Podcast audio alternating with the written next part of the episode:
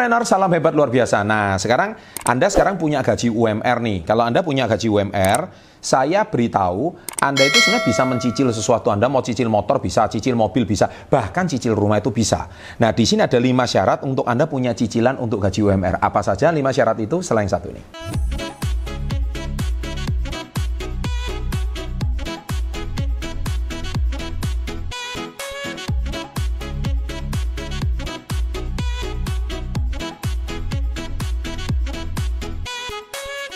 Nah, nomor satu, syarat untuk punya cicilan UMR adalah nomor satu, total cicilan utang tidak boleh lebih dari 30% penghasilan.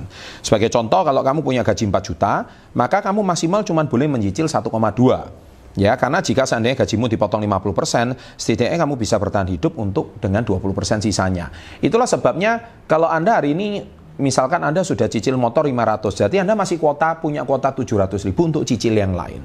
Nah, kenapa 30%? Karena pertimbangannya bank itu sekali lagi, yaitu Anda punya hanya punya satu sumber penghasilan.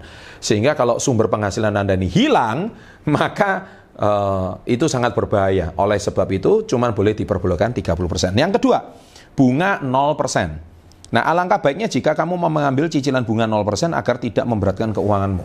Memang zaman sekarang agak susah ya bunga 0%, tapi kalau menurut saya bunga 0% itu adalah bunga, itu bahasa marketing sih menurut saya. Jadi contohnya Anda mengambil properti bunga 0%, ayo, nah padahal harganya sudah di markup atau harganya sudah dinaikkan. Dan akhirnya nggak ada namanya bunga 0% karena bank juga mau untung.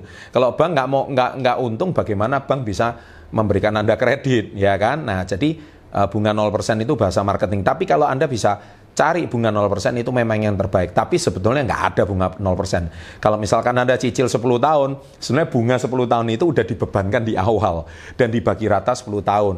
Ya kurang lebih seperti itu ya. Yang ketiga adalah pelajari jenis cicilan yang kamu ambil. Kamu harus mengerti betul tentang angka-angka yang ada di cicilanmu dan mengerti betul apa term yang dibutuhkan agar kamu tidak punya masalah di saat kamu sudah terlanjur mengambil cicilan tersebut. Karena gini, kalau Anda tidak paham itu cicilan jenis apa, jadi bunga pun ada dua.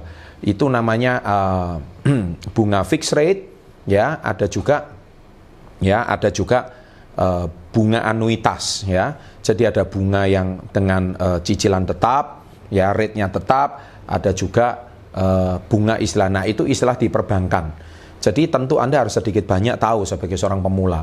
Sehingga kalau Anda tidak tahu, asal Anda tahu setiap bulan saya cicil sekian saja, Anda tidak tahu itu dana dari mana. Dan ketika kredit itu dicairkan, juga ada biaya provisi, anda juga harus paham biaya provisi itulah biasanya dari total global itu dikenakan satu persen. Ada biaya notaris, karena untuk perjanjian kredit itu biasanya pasti melibatkan notaris. Jadi itu pasti ada biaya lain-lain. Kemudian ada biaya angsuran pertama. Nah itu pasti ada. Kalau jadi kalau Anda tidak tahu, eh, maka dana Anda lari ke mana Anda juga jelas tidak tahu. Sedikit banyak Anda harus belajar itu, ya. Dan yang keempat, boleh mencicil kalau bunga lebih kecil dari imbal hasil investasi. Jadi gini, nantinya jika imbal hasil investasi akan membiayai cicilanmu. Contoh, Anda hari ini mencicil sebuah apartemen. Apartemen itu harganya misalkan 400 juta. 400 juta kalau satu tahun bisa 3 persen, satu bulan maka hasil imbal hasil apartemennya 1,5. Dan Anda sekarang mencicil apartemen itu cuma jumlahnya 1,5, ada uang sewa 1,5. Berarti sebetulnya membayar apartemenmu itu kan adalah si penyewa. Jadi kalau si penyewa ini menyewa setiap tahun 1,5, alangkah baiknya. Jadi artinya Anda tidak dibebankan mencicil si mencicil penyewa. Anda cukup membayar biaya apa? Biaya down payment 30% dari biaya apartemen. Jadi contohnya apartemen yang harga 400 juta, 30% lalu 400 juta itu 120 juta, jadi Anda 120 juta kemudian dicicilkan. Teorinya begitu, kenyataannya tidak semudah itu. Ya, karena apa? Terutama apartemen kalau di kota-kota besar seperti kayak Surabaya, Jakarta mungkin masih masuk akal. Apalagi kayak di luar negeri seperti kayak Singapura, oh itu tingkat okupansinya sangat tinggi. Bali juga sangat bagus, tapi Sejak pandemi ini jadi masalah, pariwisata hancur sehingga prosesi uh, teori yang saya paparkan di sini itu sehingga menjadi sangat tidak masuk akal. Tetapi saya percaya uh, setelah pandemi ini berakhir, ekonomi akan berangsur-angsur pulih dan normal. Mungkin nggak bisa dalam waktu satu tahun, tapi mungkin butuh waktu 5 sampai 10 tahun untuk kembali normal. Nah, proses untuk comeback menjadi normal itu uh, ini hitungan dengan kondisi ekonomi itu normal. Jadi kalau artinya imbal bunga itu lebih kecil dari imbal hasil, itu pasti dihitung cuan dong, dihitung untung. Jadi kalau misalkan Anda cicilnya 1,5, penyewanya 2 juta, oh Anda lebih cuan lagi 500 ribu satu bulan. Tapi jangan lupa, apartemen itu juga setiap tahun ada sinking fund. Sinking fund itu artinya dana perawatan. Jadi artinya kalau Anda tidak membayar dana perawatan, Anda hitung, itu masih masuk akal. Kalau itu masuk akal, saya percaya itu masih bisa dipertimbangkan. Yang kelima, pastikan kamu punya penghasilan tetap. Jadi Anda jangan tidak bisa mengandalkan hasil penyewa.